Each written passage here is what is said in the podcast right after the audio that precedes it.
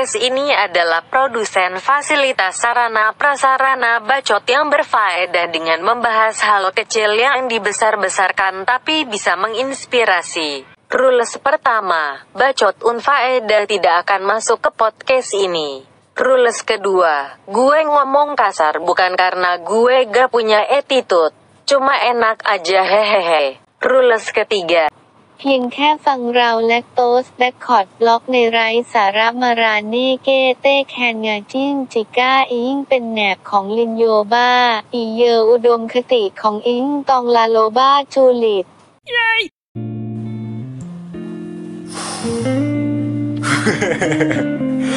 Mulailah, udahlah, udahlah, langsung lah. Kayak gue udah sempet tidur gitu. Assalamualaikum warahmatullahi wabarakatuh. langsung Salam, wabarakatuh. Semua lagi nih, Bet. Eh, lu ngeluarin laptopnya nih, Bet. Oke. Kata gue juga kan, mending ah gitu. Ya, kenapa, kenapa? Lanjut, lanjut, lanjut. Eh, ya udah, udah. Gue udah pusing. Lah, kan gak minum, Bet. Ya, harus minum dulu gitu, biar kita netral enjoy. Assalamualaikum. Salam. Udah ya, tadi, Oh, tadi iya. udah ya. Eh, hari ini gue bakal ngobrol sama Astra Duru yang dipanggil Tara. Astra Duru yang dipanggil Beta. Kenapa sih harus dipanggil Beta, Bet? Sebenarnya gue ngasal sih. Gue dulu, gue dulu tuh dipanggilnya Ambon. Pas di SMA, pas SMK tuh gue dipanggil Ambon. Ah, karena ini gue mau serius nih, tapi sok sok. Sok. karena apa ya gue salah satu orang termasuk orang yang mungkin perbedaan kali ya antara perbedaan nggak mau orang memandang kalau misalkan orang timur itu semuanya dari Ambon nah itu gue gua mau merubah merubah pemikiran orang gitu jadi gue Lah emang emang dulu pada mikirnya dari Ambon semua. Pas Pasti. mikirnya kan dari Pap dari Papua. enggak kalau orang rata-rata kalau mikir orang kulit Yang berani hitam- rantau tuh Ambon. Enggak, bukan berani rantau, tapi orang kulit kulit hitam. Orang kulit hitam itu, wah Ambon nih, wah Ambon nih, wah kejahatan, wah Ambon nih. Kecuali kalau jahat. Asli. Eh, ya gue juga pernah ngedengar di Bali katanya misalnya ada di Bali orang-orang Bali tuh sebenarnya aman gitu, cuman orang-orang luarnya gitu kayak orang Ambonnya gitu yang malah Ah, jadi menurut gua apa ya kayak misalkan orang masih susah membedakan misalkan kalau menurut gua Papua itu sendiri dia masih ada ciri khas dari eh, misalkan sorry wajahnya dia entah apa perilakunya dia itu masih masih masih ada masih ada apa ciri khasnya dia. Kayak misalkan Papua itu orangnya lembut-lembut. Hmm. nah jadi kalau misalkan orang yang kayak gue orang yang NTT ini kulit hitam itu hampir sama sama orang Ambon. Jadi gue dulu dipanggil Ambon Ambon terus gue pengen ngerubah pengen ngerubah biar orang gue pernah pengen ngamuk sama orang. Gue ini bukan Ambon gue ini timur gue ini timur leste gue ini NTT gue pengen bilang sama orang gitu. Cuma kata abang gue abang gue kan dulu dipanggil Ambon juga. Ah, kata abang gue lu ngapain sih eh, marah-marah kalau misalnya orang panggil Ambon? Seenggaknya kan itu buat buat apa orang bisa tahu lu orang bisa kenal. Jadi buat pertemanan orang panggil lu Ambon mah nggak masalah itu nggak jadi nggak jadi permasalahan. Justru itu bisa nambah teman buat lu abang gua ngerelain buat dipanggil Ambon ya udahlah mau nggak mau gua juga ngikut gitu. Dulu kan gua belum belum banget punya prinsip kan. Akhirnya gua pindah ke sebenarnya sampai sekarang sih gua belum punya prinsip aja Bentar dulu, eh kan di topiknya kan ada ada sebuah rintangan friendship nih. Kan di topiknya tuh gimana survive-nya beta gitu ya. Anak rantau dengan rintangan friendship dan ekonominya gitu. Tapi ini Nah, gue masih lanjut ngebahas nama beta nggak? Lu kan nggak tadi lu ngejelasin juga sambil nyambung ke yang pertanyaan selanjutnya sebenarnya. Oh, eh. Nah, eh gimana sih? Kalau Lu nanya dong ya udah, eh enggak belum. Ah, tuh. gimana rintangannya apa aja? Ya rintangannya dan penyelesaiannya apa aja dulu. Jadi kan lu kan tadi langsung loncat ke ini, Bet. Ke, Iya, iya, iya. ke kenapa lu ngerantau. Iya iya iya oke. Oke berarti gue lanjut masih lanjut nih beta ya nanti nyambung ke situ. Ah, Sebenarnya orang mau mau tahu nggak sih gue namanya beta? iya kan tadi Enggak sebenarnya kalau gue cerita gini orang pada mau tahu nggak sih? Ya, juga sharing-sharing. Doain juga ngobrol-ngobrol. Oke, oke. Lo kan penasaran aja gitu, kenapa iya. harus beta gitu. Oh benar-benar itu bisa. Nah, Ah, harus terus gue pindah nih ke Bandung nih. Gue pindah ke Bandung. Pas pada saat masuk pertama di Bandung tuh gue mikir nama gue apa ya biar orang. Anjing, biar khas gitu. Eh, ada ciri khas. Nah, soalnya di panggil Astra nggak enak. Iya. Dipanggil Duru nggak enak. Sebenarnya gue sebenarnya gue apa ya gue menanggil nama Beta itu pemikiran gue sebenarnya bukan karena nama aja. Dulu kan kakak gue kakak sepupu gue ada yang kuliah di sini juga kan dia cuma ngambil nyelesain S1 doang. Nah, ada beberapa dosen yang kenal juga karena dia kuliah di sini itu dia dulu dipanggil beta juga hmm. nah dari situ gua gua nih orangnya masih suka ngikut-ngikut ya dulu jadi eh gue pengen pe gue kasih nama gue beta itu sebenarnya harapan juga buat gua. Dulu dia dia itu terkenal kalau misalkan karirnya dia itu tinggi. Ah. karirnya dia memuncak. Kayak dia dia jago dalam sinematografi jago dalam fotografi jago dalam penyutradaraan yang saudara gue itu. Nah di situ gue mulai anjir ini, ini nama ini jadi motivasi buat gue juga gitu. Ah, pada saat gue masuk masuk ke dulu kan masih BSI itu gue mikir begitu itu jadi patokan juga buat gue sampai pernah ada satu kejadian Pak Bolu Pak Bolu Pak Bolu itu bilang sama siapa yang nanya gitu terus Pak Bolu bilang btw eh, Pak Bolo itu salah satu dosen kita. eh Pak Mahardiansa sama aja ya Ya. daripada nggak kenal nah, Nah itu Pak Bolu eh, ada yang menanya ke Pak Bolu bilang eh, kalau misalkan Pak ajarin saya dong soal foto soal video. Terus tiba-tiba Pak Bolu ngoper ke gua. Ini ada si beta beta aja nih kakaknya juga jago kok. Wah anjir dari situ gua ngerasa anjir ini bener nama ini beban banget buat gua. Nah. Gua kalau nggak bisa apa-apa justru gua malah tertekan. Gua Ya. malah sering gua dapat dapat perbandingan bahwa ah beta yang itu mah lebih gini lebih gini jadi gue di situ memotivasi diri gue buat gue harus bisa gue harus lebih dari dia hmm. sampai ya ada ada ada ada apa ya ada masa-masa perubahan dari dari dalam diri gue yang gue ngerasa kayak ternyata gue gue gue gue udah bisa gitu udah bisa bahwa ngelewat dia walaupun gak semua ya Ah. tapi ada beberapa yang gue ngerasa kalau misalkan gue udah lebih bisa dari dia. Gitu loh maksudnya nama beta itu sebenarnya. Anjing panjang banget filosofinya Serius, bener-bener. gila gila gila. gua, jadi jadi gue mau motivasi diri gue sendiri sih. Tadi soal prinsip apa? Bentar, bentar, bentar, bentar, bentar. harus minum dulu harus tidur meter berani loh mereka pakai pot Ini langsung dari aplikasinya. Lanjut nih. Lanjut, dah, lanjut, dah. lanjut. Lanjut dah, nggak kekat. apa tentang Oke. tentang prinsip Nah, belum, jangan dulu. Ya Nah. gini nih, kan di topiknya nih, eh, ya tadi kan survive-nya anak rantau dengan adanya sebuah rintangan friendship, pertemanan, bahkan anak rantau dan ekonomi nih yang waktu itu pernah ya sedikit kasih inilah hmm. yang namanya itu? kasih kayak sedikit bocoran gitu dari dari rintangan dua itu penyelesaiannya gimana tuh? Jadi sebelum sebelum ke sini tuh kan berarti kan yang ekonomi itu mau diceritain nggak? kalau Tapi pakai bahasa sana lah Bet. gila lu Gua kalau ya, jujur lo. Bang, eh gue mengira apa nih Bang Bet, Beta atau beta gimana? aja beta Oke. aja Beta aja ya biar nyantai. Beta tuh sebenarnya dari negeri Indonesia, dari negara Indonesia atau bukan?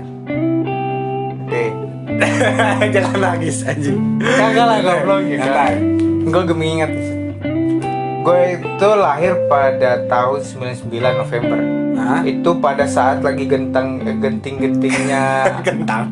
lagi genting-gentingnya pelarian. Pelarian itu maksud dari arti kata perpindahan orang yang memilih Indonesia bahkan eh, orang yang lebih memilih, lebih memilih Indonesia berarti dia harus pindah dari Timor Leste. Orang yang lebih memilih Timor Leste berarti dia harus menetap di situ.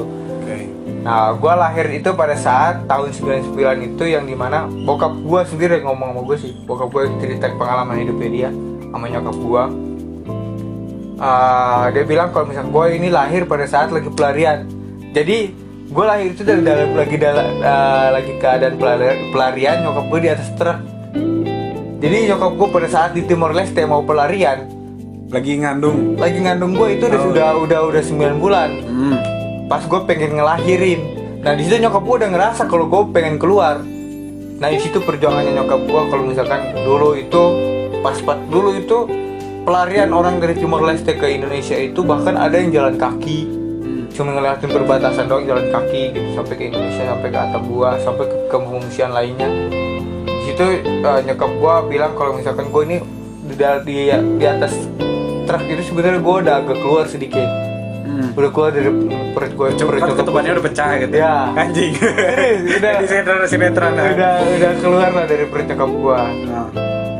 di situ nyokap eh, akhirnya bokap gue sempat cerita kalau dia nggak mau ke rumah sakit kalau misalkan kalau penanganannya lambat lambat beberapa menit nyokap gue atau enggak gue meninggal antara salah satu itu meninggal Alhamdulillahnya enggak. alhamdulillahnya enggak sampai nyokap ya bo singkat cerita bokap gue udah ngamuk-ngamuk di Anjing. rumah sakit lah segala asli tuh bokap Tapi gua. itu udah di Indonesia kan? berarti udah di? Indonesia udah di Indonesia dulu gue lahir Masih ingat kan rumah sakitnya? Oh enggak lah, lu lahir aja. gue gak inget kata itu rumah sakit udah hancur gue kayaknya. Oh ya sampai perang tapi eh gak gini Eh, orang yang memilih Indonesia harus ngungsi emang ada apa di Indonesia kenapa bokap lu milihnya Indonesia gitu ah gue udah tinggal di Indonesia aja sedangkan sekarang Timor Leste aja udah lumayan lah gitu karena gini ya kalau yang dari bokap gua bilang itu sendiri eh, nggak tahu mungkin mungkin jiwa nasionalisme atau jiwa yang dulu apa ya kayak misalkan dia lahir pada saat Timor Leste masih Indonesia. Jadi daripada itu nggak mau kalau misalnya Timor, Timor Leste pisah dari Indonesia itu nggak mau banget. Nah jadi orang-orang yang lebih memilih Indonesia ini dia ngerantau dia pindah dari Timor Leste ke Indonesia itu nggak bawa apa-apaan nggak bawa apa-apa cuman baju paling beberapa beberapa beberapa pakaian aja yang dibawa. Itu juga paling ganti cuma tiga hari udah cukup. Empat hari cukup nggak bawa. Doang gitu. Nggak bawa apa makanan segala macam harta itu ditinggalin semua di sana rumah segala macam jadi gue pas pada saat pindah ke NTT itu gue di, ditempatin di salah satu camp pengungsian. Itu di pelosok banget. Pelosok banget. Itu di nama daerahnya Boniana. Kemudian Boniana itu ngambil air aja itu harus 1 sampai 2 kilo. Ngambil air buat buat dimasak buat diminum. Buat gitu. Terus buat diman buat mandi. Itu langsung ngambil airnya 1 sampai 2 km jalan kaki tapi. Naik turun gunung. Jauh banget. Terus? Nah di situ udah udah apa berjalan lah beberapa waktu terus. Sampai gua pada saat kembali ke SD gue masuk SD itu SD gue cuman sampai kelas 6 kelas eh pada saat naik ke SMP itu udah harus harus jalan kaki dari kampung gue yang Buniane itu sekitar 2 kiloan dulu baru ketemu SMP berarti pas SD masih di tempat pengungsian itu Nah, jadi tempat pengungsiannya itu Dibikin di hutan. Ah, Bukan. dibikin. Ada ada ada ada ada yang ngebuat SD. Oh, ada yang Cuman SD. pembuatan SD SD yang dibangun itu di situ pakai bambu, ah ya pakai bambu, terus pakai seng-seng yang kayak ya, ya kalau panas gitu, panas masuk. Nah, masih masih pakai kayak gitu. SMP baru SMP itu kita harus jalan sampai 2 kilo baru kita ketemu SMP baru bisa sekolah. Itu jalan kaki nggak ada kendaraan sama ada ada temen ini dong ada temen banget gitu ada ada sahabat lu gitu di sana. Yang sampai sekarang anjing gua kangen banget sama orang ini gitu. Kalau buat Waktu itu sahabat nemenin gua gitu dua jalan 2 km ya justru itu gua gua nggak ngalamin SMP gua sampai kelas 3 aja. 3 S 3 SD oh enggak. Oh enggak. Lanjut nggak nggak lanjut. Gua sampai 3 SD karena di situ kan nggak tahu gua ngerasa kayak kehidupan di situ bener-bener bener-bener susah lah. Bener-bener susah. Eh, bokap gua juga jarang di rumah. Nggak tahu ke mana. Gue cuma sama nyokap gua doang. Nyokap gua kerjanya cuma jadi eh, apa? Pembantu rumah tangga setelah dari pembantu rumah tangga di situ itu pekerjaan paling pokok di orang-orang di kampung gue di Boniane itu kalau nggak dia bertani berarti dia pukul batu. Pukul batu. Pukul batu itu batu karang gede batu karang gede. Itu ada cewek ada cowok pasti dia kerja itu. Pukul batu itu jadi batu karang gede banget dipukul pakai apa? Tangan. Hammer. Oh, anjing. Pakai hammer lagi. Pakai tangan kuat banget kayaknya pakai hammer pakai hammer yang yang segini ukurannya. Itu ngancurin batunya terus dijual. Nanti ada orang dari kota bawa truk jual Oh, dibeli. Jadi dari situ baru dapat penghasilan. Kalau enggak dari dari dari apa dia berkebun atau enggak dia ngambil apa di hutan. Kan daerah gua di Boniane itu dekat sama hutan jadi ada beberapa beberapa apa makanan yang bisa dijual lah bisa dijual ke kota itu kita ke kota juga di kampung gue sendiri nggak ada angkot Jadi jalan semua jalan. jadi ya jalan. jalan terus atau enggak kalau misalkan ada ojek kita ketemu ojek baru kita naik ojek kalau nggak ketemu ojek kita jalan dulu sampai ketemu kota baru naik angkot Gak ada sepeda gitu kan, sepeda lipat dulu. gila kali sepeda lipat anjing beli makan aja beli beli sepeda eh, tapi eh, yang apa namanya? Yang bapak lu, eh bapak lu udah tahu, lu udah tahu belum dari kerjaan bapak lu apa? Yang, pada saat gue masih di sana. Nah, gue nggak tahu. Gue nggak tahu apa-apa. Gue ya kehidupan gue gitu-gitu aja. Pada saat gue udah ke Depok gue udah sekolah udah udah sampai kuliah gini baru gue mikir gue gue berarti gue dulu susah banget. Dulu gue nggak kayak gini. Gue bisa beli barang dari hasil kerjaan sendiri. gue kerja sendiri terus gue bisa makan lu secukupnya ngerasain susahnya juga gitu. ya? It- itu ada ada ada apa ya menurut gue proses yang bener-bener susah lah gitu pada salah eh, orang-orang yang dari camp pengungsian bahkan sampai sekarang juga masih ada masih ada orang-orang camp pengungsian itu di di daerah-daerah pengungsian Jadi eh, proses pengungsian gitu teh masih ada sampai sekarang. masih ada sampai sekarang kalau misalkan mau ngebahas lebih dalamnya lagi pemerintah udah beberapa kali bilang kalau misalkan nanti dana turun dana turun tapi sampai sekarang nggak ada Anjing. lihat aja di Demo demo nih. jangan bang Nggak. lihat aja di Instagram gua tra.guru Anjing.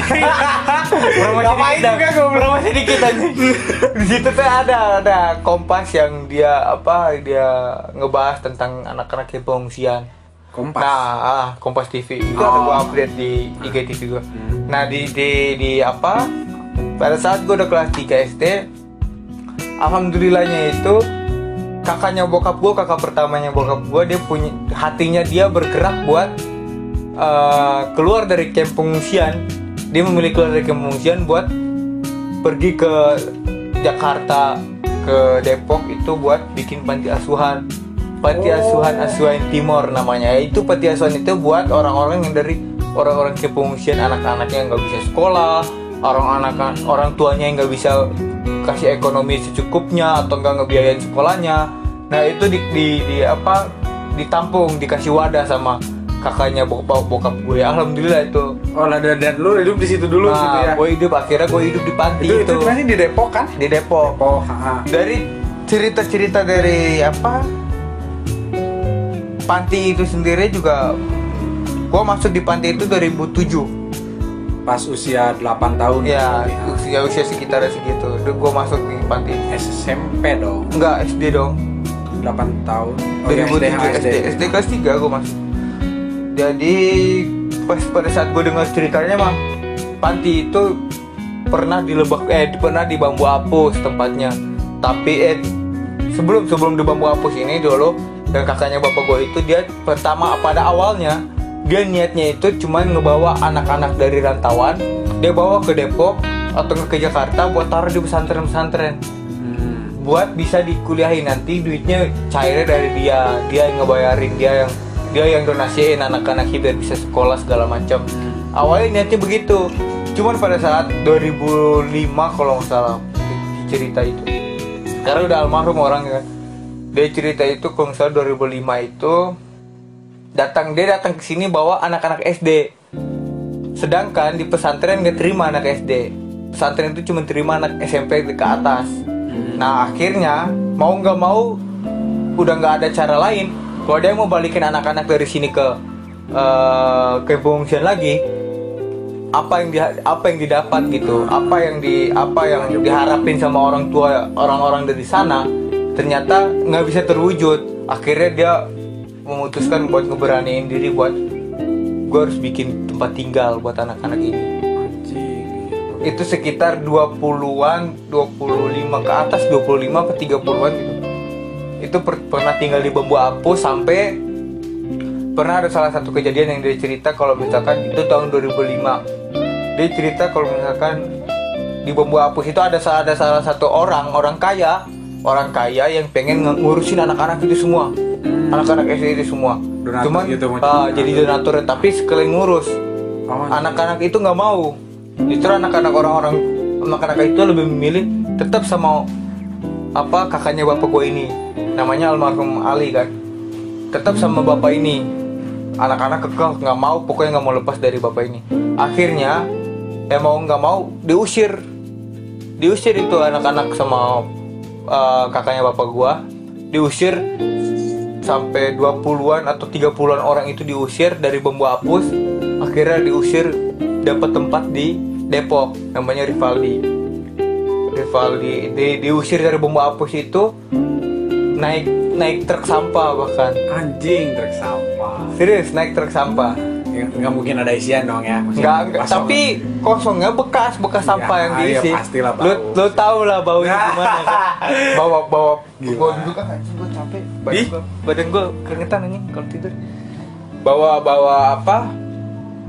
Bawa sampah lah segala macam.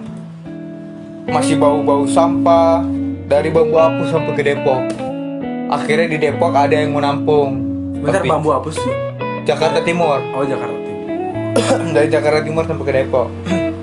akhirnya ada yang mau nampung. Cari cari tempat akhirnya ada yang mau nampung. Nah dari situ mulai mulai banyak donatur yang yang yang peduli lah, yang peduli terus ngasih ngasih sumbangan segala macam, ngasih kebutuhan apa yang dibutuhin lah, keinginan semuanya. Sampai punya apa punya salah satu ya, tempat lah yang dibiayain sama orang. Ba- dari pembangunannya sampai selesainya itu dibiayain sama donatur. Donaturnya itu Bun- Bunda Ali Geno Bunda Ali Geno sama Bunda Wahyu. Nah di situ serius Nah, ngebuat itu pokoknya anjir gue banyak banget liku-liku gue pas pada saat SD aja buat ngadepin orang-orang. Kayak misalkan gue harus beradaptasi sama orang aja bener-bener susah.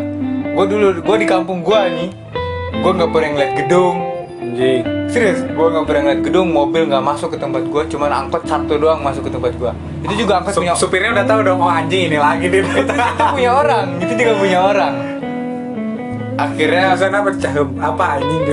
apa apa anjing? kagak anjing itu jadi angkot dari Kayak kota mobil-mobil doang gitu. Angkot. Mobil carrier. Angkot. Angkot, oh, angkot. angkot. Anjing nyasar kagak emang angkot. Jadi orang yang orang yang ngebawa angkot itu rumahnya di daerah situ. Oh. daerah Boniana itu. Nah jadi dia setiap pulang baru gue ngeliat mobilnya setiap pulang baru gue ngeliat mobilnya. Pas pada saat gue pertama datang ke Jakarta gue gue jujur gue jujur gue sampai sekarang belum pernah naik pesawat. Gue dari dari sana dari NTT ke Jakarta itu lima hari di dalam kapal lo ngerasain gila gila lah gila Itu gue belum pernah naik kapal. Kalau naik kapal tuh gimana sih? Pusing di ombang ambing. Pusing Kayak ombang. perasaan. Iya. kayak perasaan lu kan selalu di omong nggak jelas gitu kan Jadi pusing mabok. Pusing gitu, mabok? Kayak mobil. Ah. kayak- ah. lebih parah menurut gua soalnya kapal gini dia harus nahan ombak kan gua Sama anak pengungsian lain yang di ada gua ada gua kakak gua ada empat orang sekitar empat nyokap orang. bokap gimana? nyokap gua ngikut nganterin gua. Nyokap gua ngikut. Oh dulu oh tapi waktu itu tetap di sana gitu. Kan tapi nyokap gua balik lagi kan. Ah. tetap balik lagi. Itu gua dianterin kelas 3 SD pertama kali gua datang ke Jakarta gua ngeliat mobil aja mobil-mobil yang jalan. Anjir. Buset dah, gue gue gue waktu itu naik Lu mobil. alungin pakai batu tuh, Bet. Kagak lah anjir, gue no, Diapain tuh? Saking norak Anjing mobil. Saking serius, saking noranya gitu Serius gue kebong Anjing mobil. Anjing gedung. Serius, saking noranya demi Allah gue kayak gitu terus terus apalagi tuh yang ngebuat lu anjing.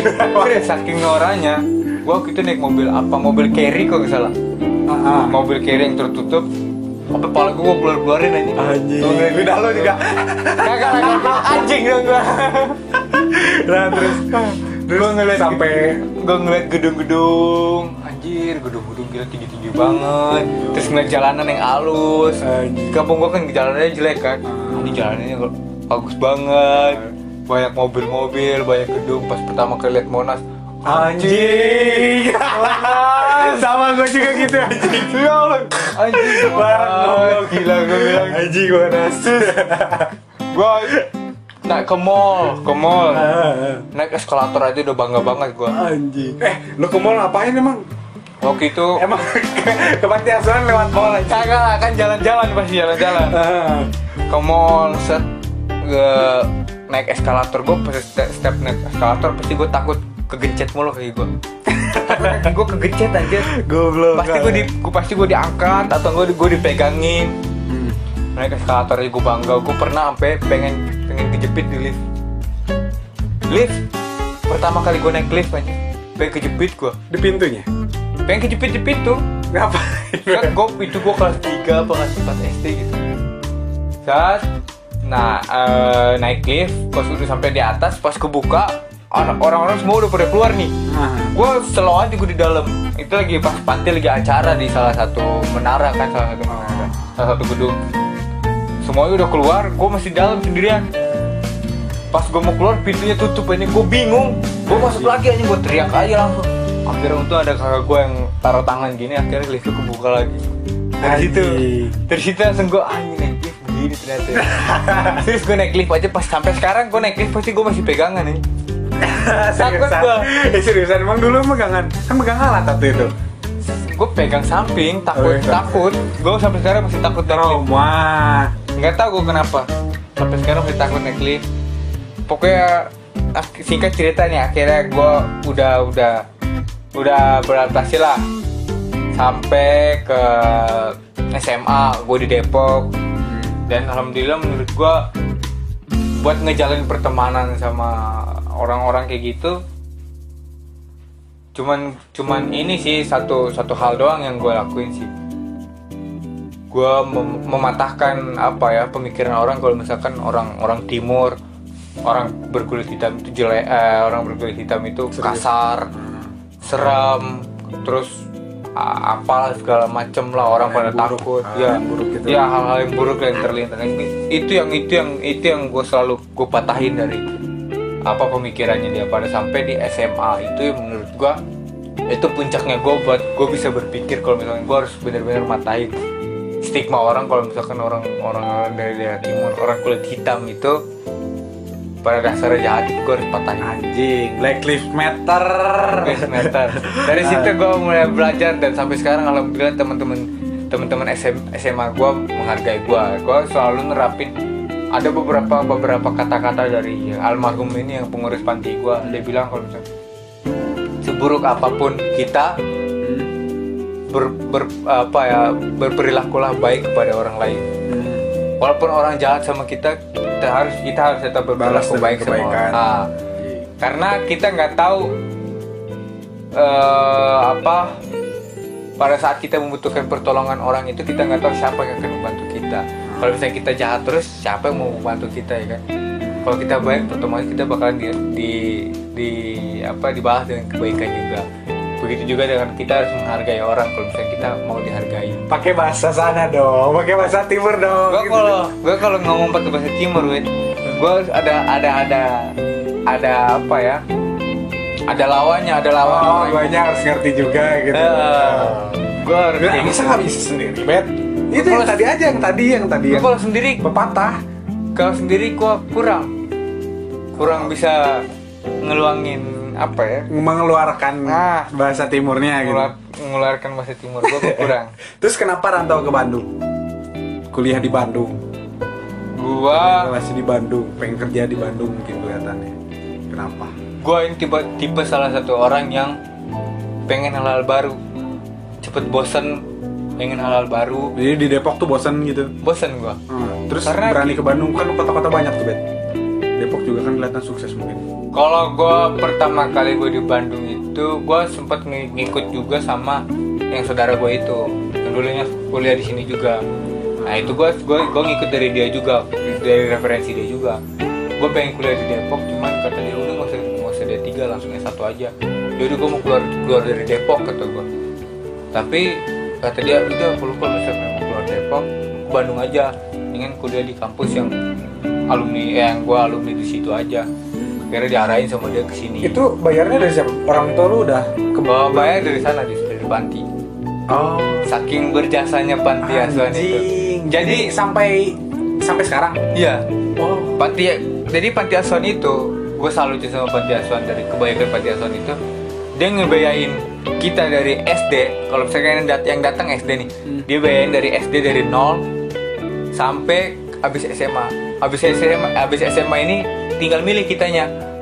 Lu mau kerja atau lu mau kuliah? Kalau mau kerja dicariin kerja sampai dapat. Kalau misalkan kerja udah dapat berarti lu harus ngekos. Lu berhak ngekos. Tapi kalau misalkan lu mau kuliah oke lu mau kuliah di mana? Kasih tahu. Dia di BM itu kan banyak ya berarti anak-anak anak sekarang itu jumlahnya sampai 80-an dibiayain dari nol. Ya alhamdulillah ada aja. Ada aja, ada aja rezeki yang datang itu yang gue salut sih. Itu yang gue ambil dari pelajarannya ya itu juga. Apa yang kita kasih ke orang pasti balasannya ber- berkali-kali lipat. Itu yang itu yang gue terapin sampai sekarang pada saat apa ya pertemanan gue pergaulan gue itu yang gue terapin sih.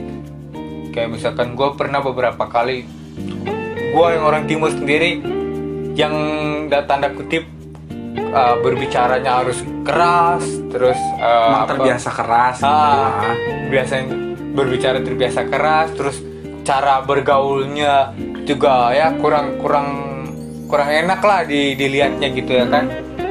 Gue harus beradaptasi sama orang Sunda yang pada apa ya pada umumnya orang Sunda itu dikenal dengan lembut lembut. nah lembut lembut. Ya kan emang pasti asing lah gitu ada di negeri orang. Ah, Eh, beradaptasi itu salah satu visi lu atau ada visi yang lain gitu? Visi hidup lu tuh di negeri orang harus kayak gimana?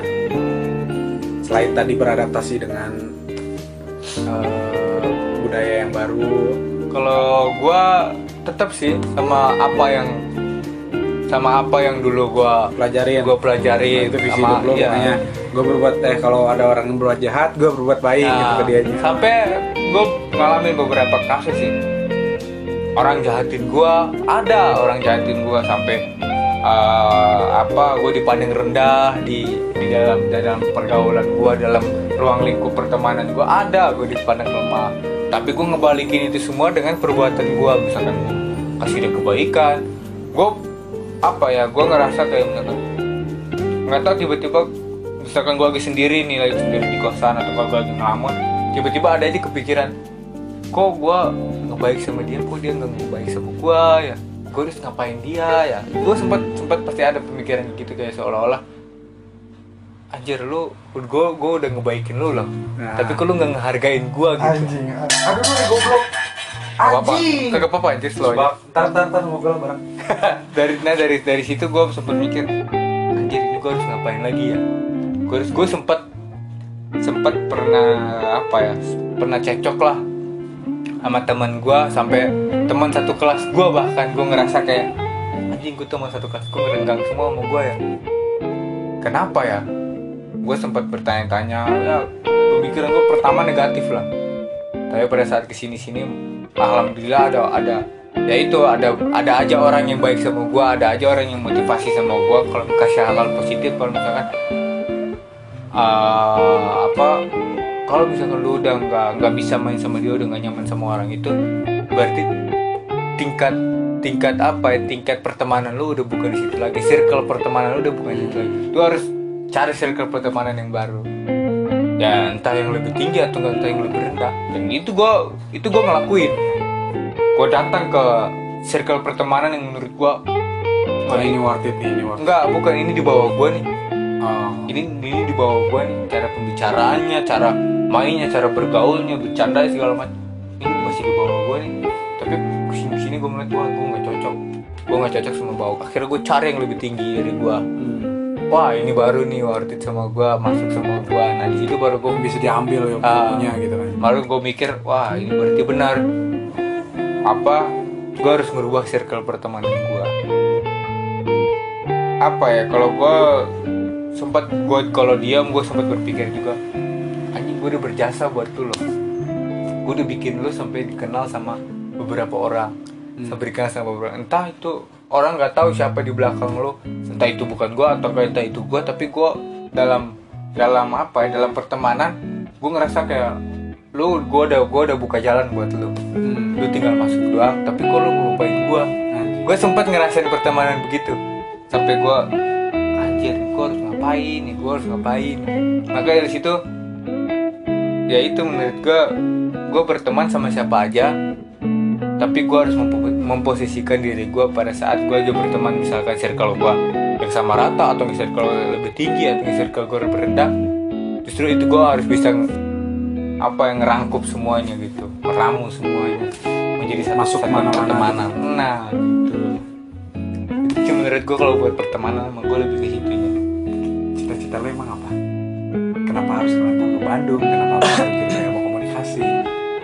Gue gak mungkin ngikut-ngikut doang. Nah cita-cita gue sebenarnya gue dari kecil ya. Atau dari kecil kan pemain bola. Eh, bukan. Anjing apa? Gue kecil justru nggak bisa main bola gue lah.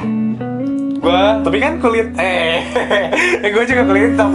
Maksudnya kan orang-orang timur kan lebih iya Ya, mindsetnya oh orang timur nih betisnya padaku. Di- di- stamina-nya padaku. Justru itu jadi jadi motivasi buat gue ah, orang bilang begitu gue dulu dulu gue cita-cita gue jadi tentara. Oh kenapa nggak kesampaian? Menurut gue apa ya kayak kayak mungkin kalau dari pemikiran gue aja ya mungkin kurang kurang kurang ada dukungan. Kurang ada dukungan ke guanya kalau misalkan gue ini pasti bisa itu kurang kurang ada dukungan jadi Emang, kurang tapi lu udah nyerita ke yang lain gitu oh gue mau jadi tentara Udah. gitu. oh, oh tapi supportnya kurang. Ah supportnya kurang. Terus gue mau gue pindah. Gua, SMP SMP itu SMP kelas 1 atau kelas 2 gitu. Situ baru gue mulai belajar main bola.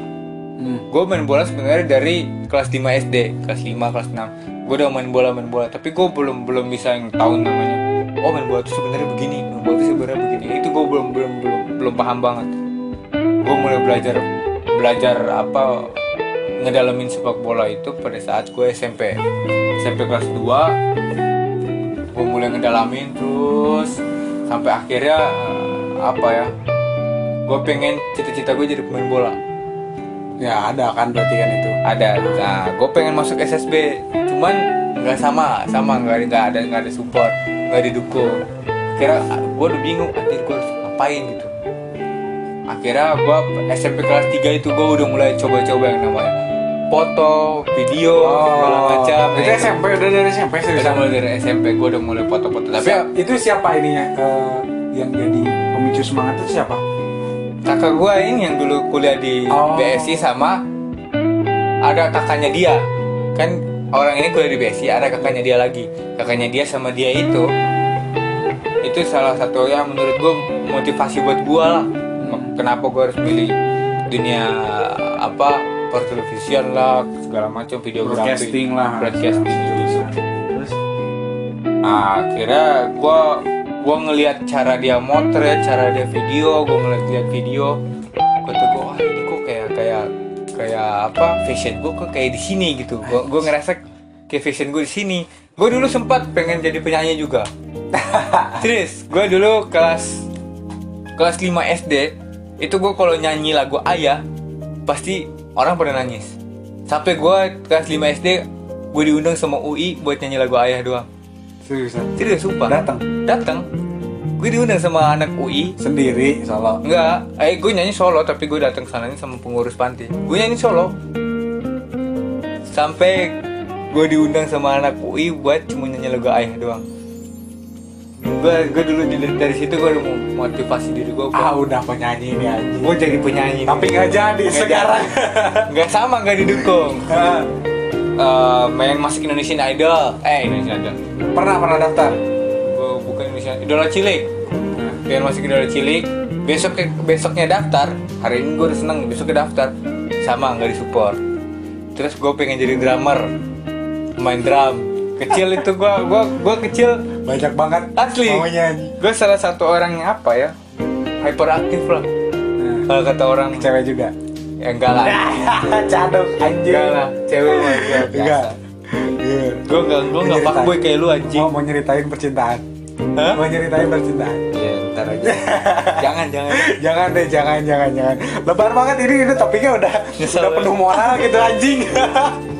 Diisi dengan ah goblok bangsat dijatuhin orang. Gue gue kira nggak jadi main drum gue masuk ke bola nggak jadi main bola. Gue mulai tahu fashion gue di sini akhirnya gue memilih untuk sekolah. Gue beda dari yang lain. Dulu anak-anak anak-anak panti gue pasti sekolahnya di MA madrasah aliyah. Oh kalau kalau nggak MTS berarti madrasah sanawiyah SMP-nya SMA-nya di madrasah aliyah. Pasti itu. Kalau nggak di pesantren gue memilih buat gue belok.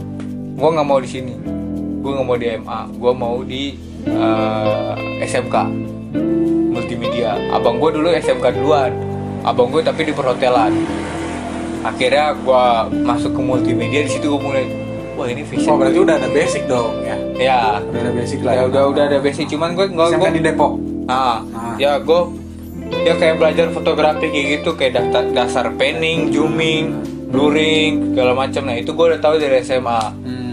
Kayak gitu-gitu segala macam lah shutter speed segala macam itu gue udah tahu dari SMA cuman pada saat editingnya ini kok gue belum nggak pernah menguasai editing dari dulu sampai sekarang gue film eh apa pembuatan apa karya gue terakhir pada saat SMA aja gue bikin iklan layanan masyarakat menurut gue itu Bukan iklan layanan masyarakat. Ikatnya iklan yang tidak berlayani iklan yang tidak melayani masyarakat jatuhnya. tentang apa? Emang tentang apa? Tentang orang buang sampah jangan buang sampah sembarangan. Ya elah, tok sampah doang kayaknya.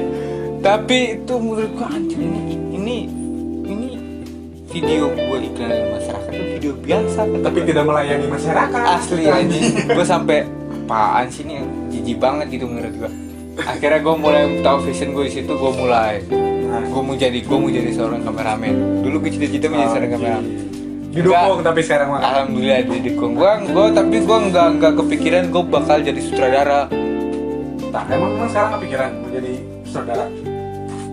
kagak Terus cita-cita lu apa? sekarang ini gue bukan ke cita-cita ya Apa? Eh berarti bentar. Berarti lu hidup dengan sebuah visi tapi tidak dengan sebuah cita-cita. Cita-cita menurut gue gue gue nggak nggak nggak selamanya Gak menyebut sesuatu tujuan Ah. itu cita-cita. Ah, Nah. tapi gue punya patokan, gue Oke. punya tujuan. Ah. Gue lebih kayak apa ya? Kayak memotivasi. Gue lebih gue gue lebih kayak diri gue itu punya punya sesuatu motivasi yang di mana Bisa berguna buat orang lain. ah bisa berguna buat orang lain, bisa berguna juga buat diri gue. Kayak apa ya? Gue sekarang ini lagi lagi kepengen jadi artis. Anjing. Kepikiran gak lo? Kita mah kebetulan gue malah didukung boy. Terus gimana? Udah kesampaian? Belum. Iya iyalah. Kalau So- soalnya- soalnya- juga lu gak akan nge-podcast sama gua. Soalnya gue ini tipe orang yang salah satunya apa ya? Malu. Pengen di depan layar. Eksistensi. Ah. Gue mau nebar eksistensi gue. Itu terserah orang mau ngomong gue apa, tapi eksistensi gue harus naik. Gue itu, gue salah satu orang yang eksistensi gitu. walaupun dicap buruk gitu kan. Iya, Anjing. serius. Justru gue kalau misalkan walaupun gue dicap buruk, gue itu gue jadiin itu sebagai Motivasi. kritikan, motivasi.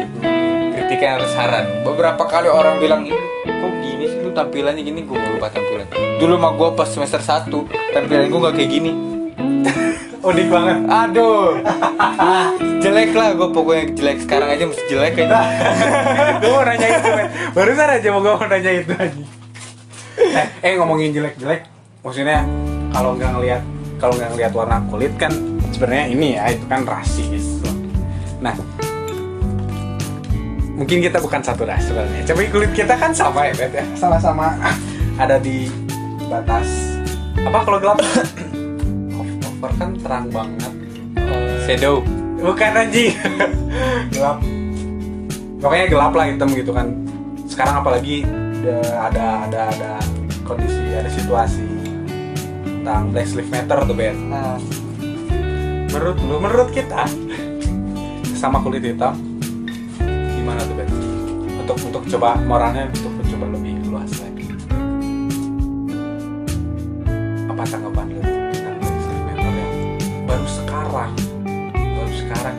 maksudnya kelihatannya baru sekarang. Kenapa nggak dari dulu? Emang dari dulu emang udah? Emang dari dulu nggak ada rasis? Ya, ngerasa nggak? Maksudnya kalau gue kenapa baru sekarang gitu ya Ben? kalau gue menanggapi Atau lu apatis? Nggak nggak peduli. gue peduli sebenarnya tapi gue pedulinya dari dulu bukan sekarang Nah, kenapa nggak dari dulu gitu ya? nah justru gue menanggapi menanggapi orang-orang yang peduli akan apa akan Black Lives Matter di di di luar negeri sana menurut gue lu pada ke mana Anjing. ke mana aja Nah, lu pada ke mana aja? Kemarin Agustus lagi rame kok. Kok lu pada nggak berkoar gitu maksud gua? Kenapa nggak berkoar pada saat Indonesia pada saat ada loh Indonesia orang kulit hitam asli Indonesia ada loh. Tapi kenapa kalian nggak berkoar? Justru yang yang koarnya pada saat George Floyd itu yang lagi lagi rame-ramenya. Kenapa? Nah, apakah kalian mencari eksistensi? Itu ya itu yang menurut jadi pertanyaan. Makanya pada saat lagi rame-rame kayak gini gue nggak upload apa-apa. Gue cuma upload bahwa dulu ke mana aja. Sampai kayak gitunya. Gue beberapa kali diri gue pribadi aja gue ngerasa kayak gue di di di apa? Gue di apa namanya lagi? Dirasisin gue dirasis segala macam ada perkataan rasis. Buat gue nah itu. Gue menanggapinya kayak gimana ya? Gue lebih ke menunjukkan. Jadi di saat ada yang rasis ke lu gitu gue menunjukkan kalau ini gue hitam.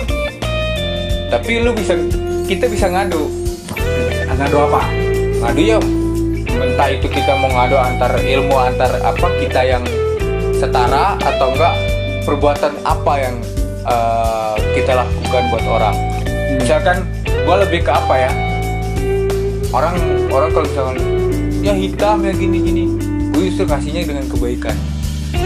Apakah orang yang ngatain gue itu dia bakalan bisa apa eh, melakukan kebaikan seperti apa yang gue lakukan kepada orang lain? Kan belum tentu. Gue selalu mikirnya ke situ. Ya balik lagi sih. Segimanapun orang jahat sama gue gue pribadi bakal ngasih se- seribu kebaikan ke orang itu. Gue kalau gue pribadi kayak gitu. Lebih lebih gampang lebih gampang orang apa ya kalau menurut gue lebih lebih gampang orang membuat kesalahan daripada memaafkan. Lebih gampang orang membuat eh, apa ucapan sama-sama dibandingkan orang mengucapkan kata terima kasih orang-orang lebih dan orang-orang lebih mudah melihat sebuah keburukan daripada kebaikan. Nah. Anjing gitu gue gue selalu menanamkan bahwa lu kasih gue seribu keburukan gue bisa kasih lu seribu satu kebaikan. Itu yang gue itu yang itu yang gue selalu nanam dalam hidup gue bahwa gue harus baik gue harus baik gue harus baik sama orang. Bahkan orang mau nyuruh gue terserah Or- orang mau yang di bawah gue entah yang di atas gue mau nyuruh gue mau apa ngapain gue terus menurut gue itu benar gue lakuin. Tapi kalau menurut gue itu salah gue bakalan bukan bukan gue menolak tapi gue kasih arahan ke dia. Wah ini kayak lu salah nih. Gue jujur aja orang mandang gue kayak misalkan hitam kayak gini. Gue beberapa kali loh orang mandang gue orang Kristen. Ya serius. Dengan dengan hitam aja. Menurut gue itu rasis. Hmm. Berarti ilmu berarti udah ketebak dong ilmu dia rendah. Hmm. dia nggak tahu kalau misalkan kalau misalkan orang timur ada yang orang muslim. Bahkan gue sampai dulu itu pernah juara lomba aja. Tapi gue bingung kenapa anjir. Masih disebut is eh, masih disebut Kristen. Masih sebut Kristen. Itu itu menurut gue yang aduh apa ya? Coba ada saran gak dari lu misalnya? Cobalah lu pada ubah mindset lu seperti apa gitu. Itu lu udah kasih tahu. Oh iya gitu ya. Nanti lu pada yang dangkal pemikirannya, coba lu ubah mindsetnya, coba nggak? Apa? Coba coba nggak menerima enggak bukan. Coba lu pada uh, mandang orang bukan cuma dari kekurangan bukan cuma dari perbedaan perbedaan antara diri lu antara ruang lingkup mayoritas dan minoritas. Bukan cuma memandang mayoritas dan minoritas tapi coba memandang hal lain di balik itu. Oke. orang timur gue gue gue tapi gue suka kecewa sama orang-orang timur yang apa ya yang eh, tetap ngelakuin hal jahat. Itu gue suka kecewa kalau misalkan. Lu pada kenapa harus ngelakuin hal jahat kita ini udah dipandang jahat kenapa lu nggak kasih kebaikan? Biar kita ini sama-sama ngerubah mindset orang yang kita tinggal saat ini di mayoritas biar orang bisa mandang kita lebih ke depan. Kalau misalkan orang-orang misalkan gue kasih kebaikan ke orang tapi orang timur yang lain kasih keburukan ke orang itu. Mau sampai kapan ya kan orang timur tetap dipandang bakalan dipandang baik sama orang lain? Kan nggak mungkin. Jadi ya kita harus sama-sama kita ini sama-sama satu kulit kita ini sama-sama satu ras. Dan kita coba kita saling bergandeng saling bergandengan tangan kita saling memberikan kepada orang. Berubah mindset orang merubah stigma orang bahwa orang timur itu sebenarnya kulit hitam tapi kita sama sama kalian. Kita punya hati. Kita punya Bet, apa ya? coba lah Bet pakai bahasa itu lah kita pu- punya sesuatu kebaikan ya yang bahkan bisa melebihi dari orang kita. Kalau serius lu gak berani ngomong timur Bet gak bisa gue bisa Ayolah. kagok, gue nggak bisa ng- ngeluapin dari hati. Gue gue oh gue gue bisa gue bisa tahu orang kalau ngobrol oh ini dari hati, oh ini nggak dari hati, gue bisa tahu. Karena gue gak gak gue nggak mau orang ngerasain itu. mau cerita lagi Eh, apa lagi? Tiba-tiba jadi moral jadi jadi orang bermoral gini ya kita ya bahasa Gue juga bingung, gue jadi begini ya. Gue tuh jadi serius banget nih Oke Eh, Karena durasi juga anjing Sebelum sebelum cerita ya. Sebelum Hah? Gue masih mau cerita. Tapi gue bingung cerita apa? Ya udah ceritanya coba ini Coba semoga ya kita mau- di dalam face question ini ya Di segmen akhir Ada face question Harus dijawab cepat. Gak boleh mikir lama. Gak boleh. Harus harus jawab lah intinya langsung cepat. Oke. Tuh. Pertama satu. Wanita cantik atau baik hati? Baik hati.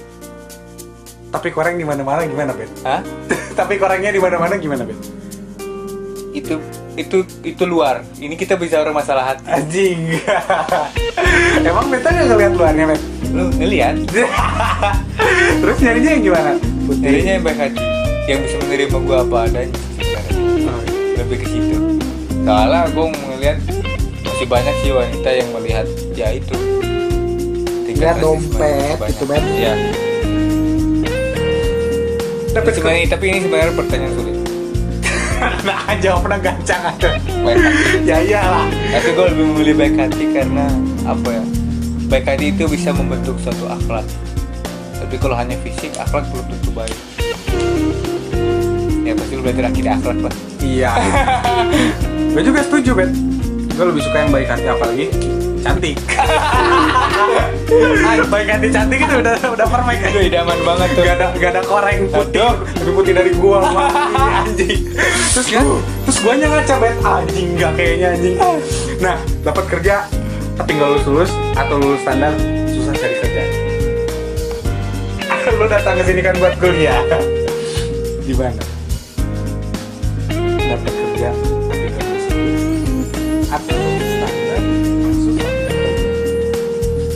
Ting tong ting tong Lulus, buru lulus standar, lulus standar. Anjing seriusan Bet Lu nyari S1 doang Lu nyari ijazahnya doang Bentar, bentar, bentar. Mati gak nih anjing? Hah? Mati gua. Tapi gua kalau gua nggak lulus terus, gua, gua bisa banggain mama gua. Ya orang tua gua dong. Gua nggak Tapi kalau lu jadi pengusaha gede kan Di Menteri Susi Oh iya benar. ya. Iya bener-bener Kerjaan anjing. Jadi apa? Eh, udah, udah, udah, udah, udah, licik, licik. Dapat jodoh atau jadi wisuda terbaik? Wisuda terbaik. Anjing, karena jodoh ngikut. Ya. Anjing. Kura-kura ninja kodok apa katak? Kura-kura. Anjing dasar pisan. Punya uang banyak mau ngapain? Sebutin tiga hal. Umrohin orang tua, ngebahagiain keluarga, terus sedekah. Anjing, berarti nggak kawin dong, Bet. Sedekah itu menambahkan apa melipat gandakan apa yang kita dapatkan. Oke. Eh, baru ngumpulin dari situ. Baru ngumpulin buat nikah. Ya, Karena yang kan laki-laki penting- butuh yang diurus. Yang penting orang tua dulu. Kalau gua pribadi kayak gitu. Gua kalau cari cewek, ceweknya nggak nggak apa nggak bisa masuk sama orang tua gua putus walaupun dia baik hati Walaupun dia Pevita Pierce, Bet. kalau dia nggak ini sama orang tua gua gua tinggalin Pevita? Pierce, Bet. gua lebih memilih orang tua gua Bet, Pevita Pierce, Bet, datang ke kosan, Bet. ikan di lautan masih banyak Anjing, pengen cari gue aing Pevita. Oke, dikenal sebagai orang periang atau orang sukses? Bukan dikenal sebagai orang periang. orang periang Serius. karena orang periang bisa membuat semua hati orang ber- ber- berbahagia terus kita bisa sukses sama-sama gue tingkat kesuksesan gue ketika gue udah bisa membuat orang bahagia. Tingkat kesuksesan gue tingkat kesulitan tingkat kebahagiaan lu sendiri. Ya bagian gue dari dalam hati. Kalau orang gue ngeliat orang gue ngelawak orang ketawa itu menurut gue apa ya gue udah bisa eh gue udah apa ya kayak minimal berguna lah gitu. Berguna buat dia terus eh, bisa apa lagi namanya bisa ngilangin masalah masalahnya dia walaupun meringankan masalahnya meringankan masalahnya dia walaupun Ah, dikit. Gitu. kalau ada yang minta dinikahin gimana Ben gue nikahin? Iyalah tapi kan belum lulus ya gue nikahin? Terus hidupnya gimana? Di kosan di, di sini Ben Enggak lah. Di mana dong? Di orang tua gue lah. Lu gak akan kuliah dong. Kan gue kerja. Udah sampai oh, oh. emang mudah lu kan harus Jodoh Ngentot. lu kan harus urusan. Anjing. Jodoh itu diberikan Tuhan. Tuhan itu memberikan sesuatu. Kadang-kadang orang bilang itu cuma sekali dua kali aja. Tapi kalau kita, jadi kalau kita nolak itu kita menolak rezeki Tuhan ya. Gimana Tuhan gak marah? Berarti istri empat nggak apa-apa nggak apa-apa. Sunnah Nabi lima dong. Kerenan. lima. Kayak punya istri empat tapi Pevita minta. Aduh gua gini gua tinggal gini doang nih. Yuk pegang kaki tangan gua yuk. Baru belum udah kepikiran aja ah, apalagi terakhir nih terakhir sebelum penutupan nih ya. Sebutin tiga hal tentang lu pribadi satu kata satu kata. Enggak yang ya, hal pendek kayak gua gua ganteng kece cakep gitu aja itu udah cukup itu ngegambarin gua gitu. Ada tiga hal yang ngegambarin lu apa kalau gua banyak eh, banyak yang gue bisa. Bet tiga hal Bet. Iya Tiga. banyak yang gue bisa. Terus apa lagi? Banyak banget. Banyak yang gue bisa kan? Tiga hal kan? Bukan tiga kata? Iya tiga hal. Iya banyak yang gue bisa nah terus? Kayak main gitar nyanyi Ya bola elah itu kan tiga, banyak. tiga hal yang nggambarin lo gitu. Iya mak Misalnya orang-orang Oh iya ini beta.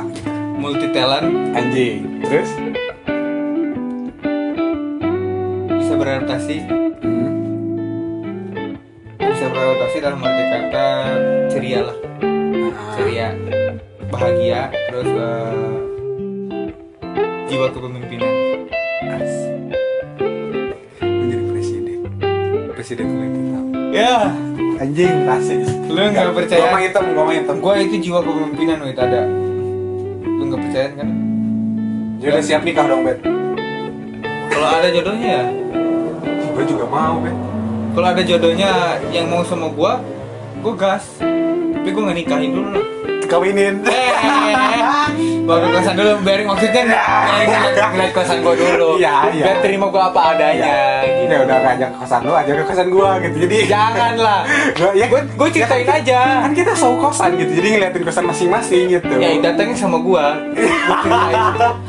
ini kosannya Widi banget sih, men. ya kita pulang yuk yuk.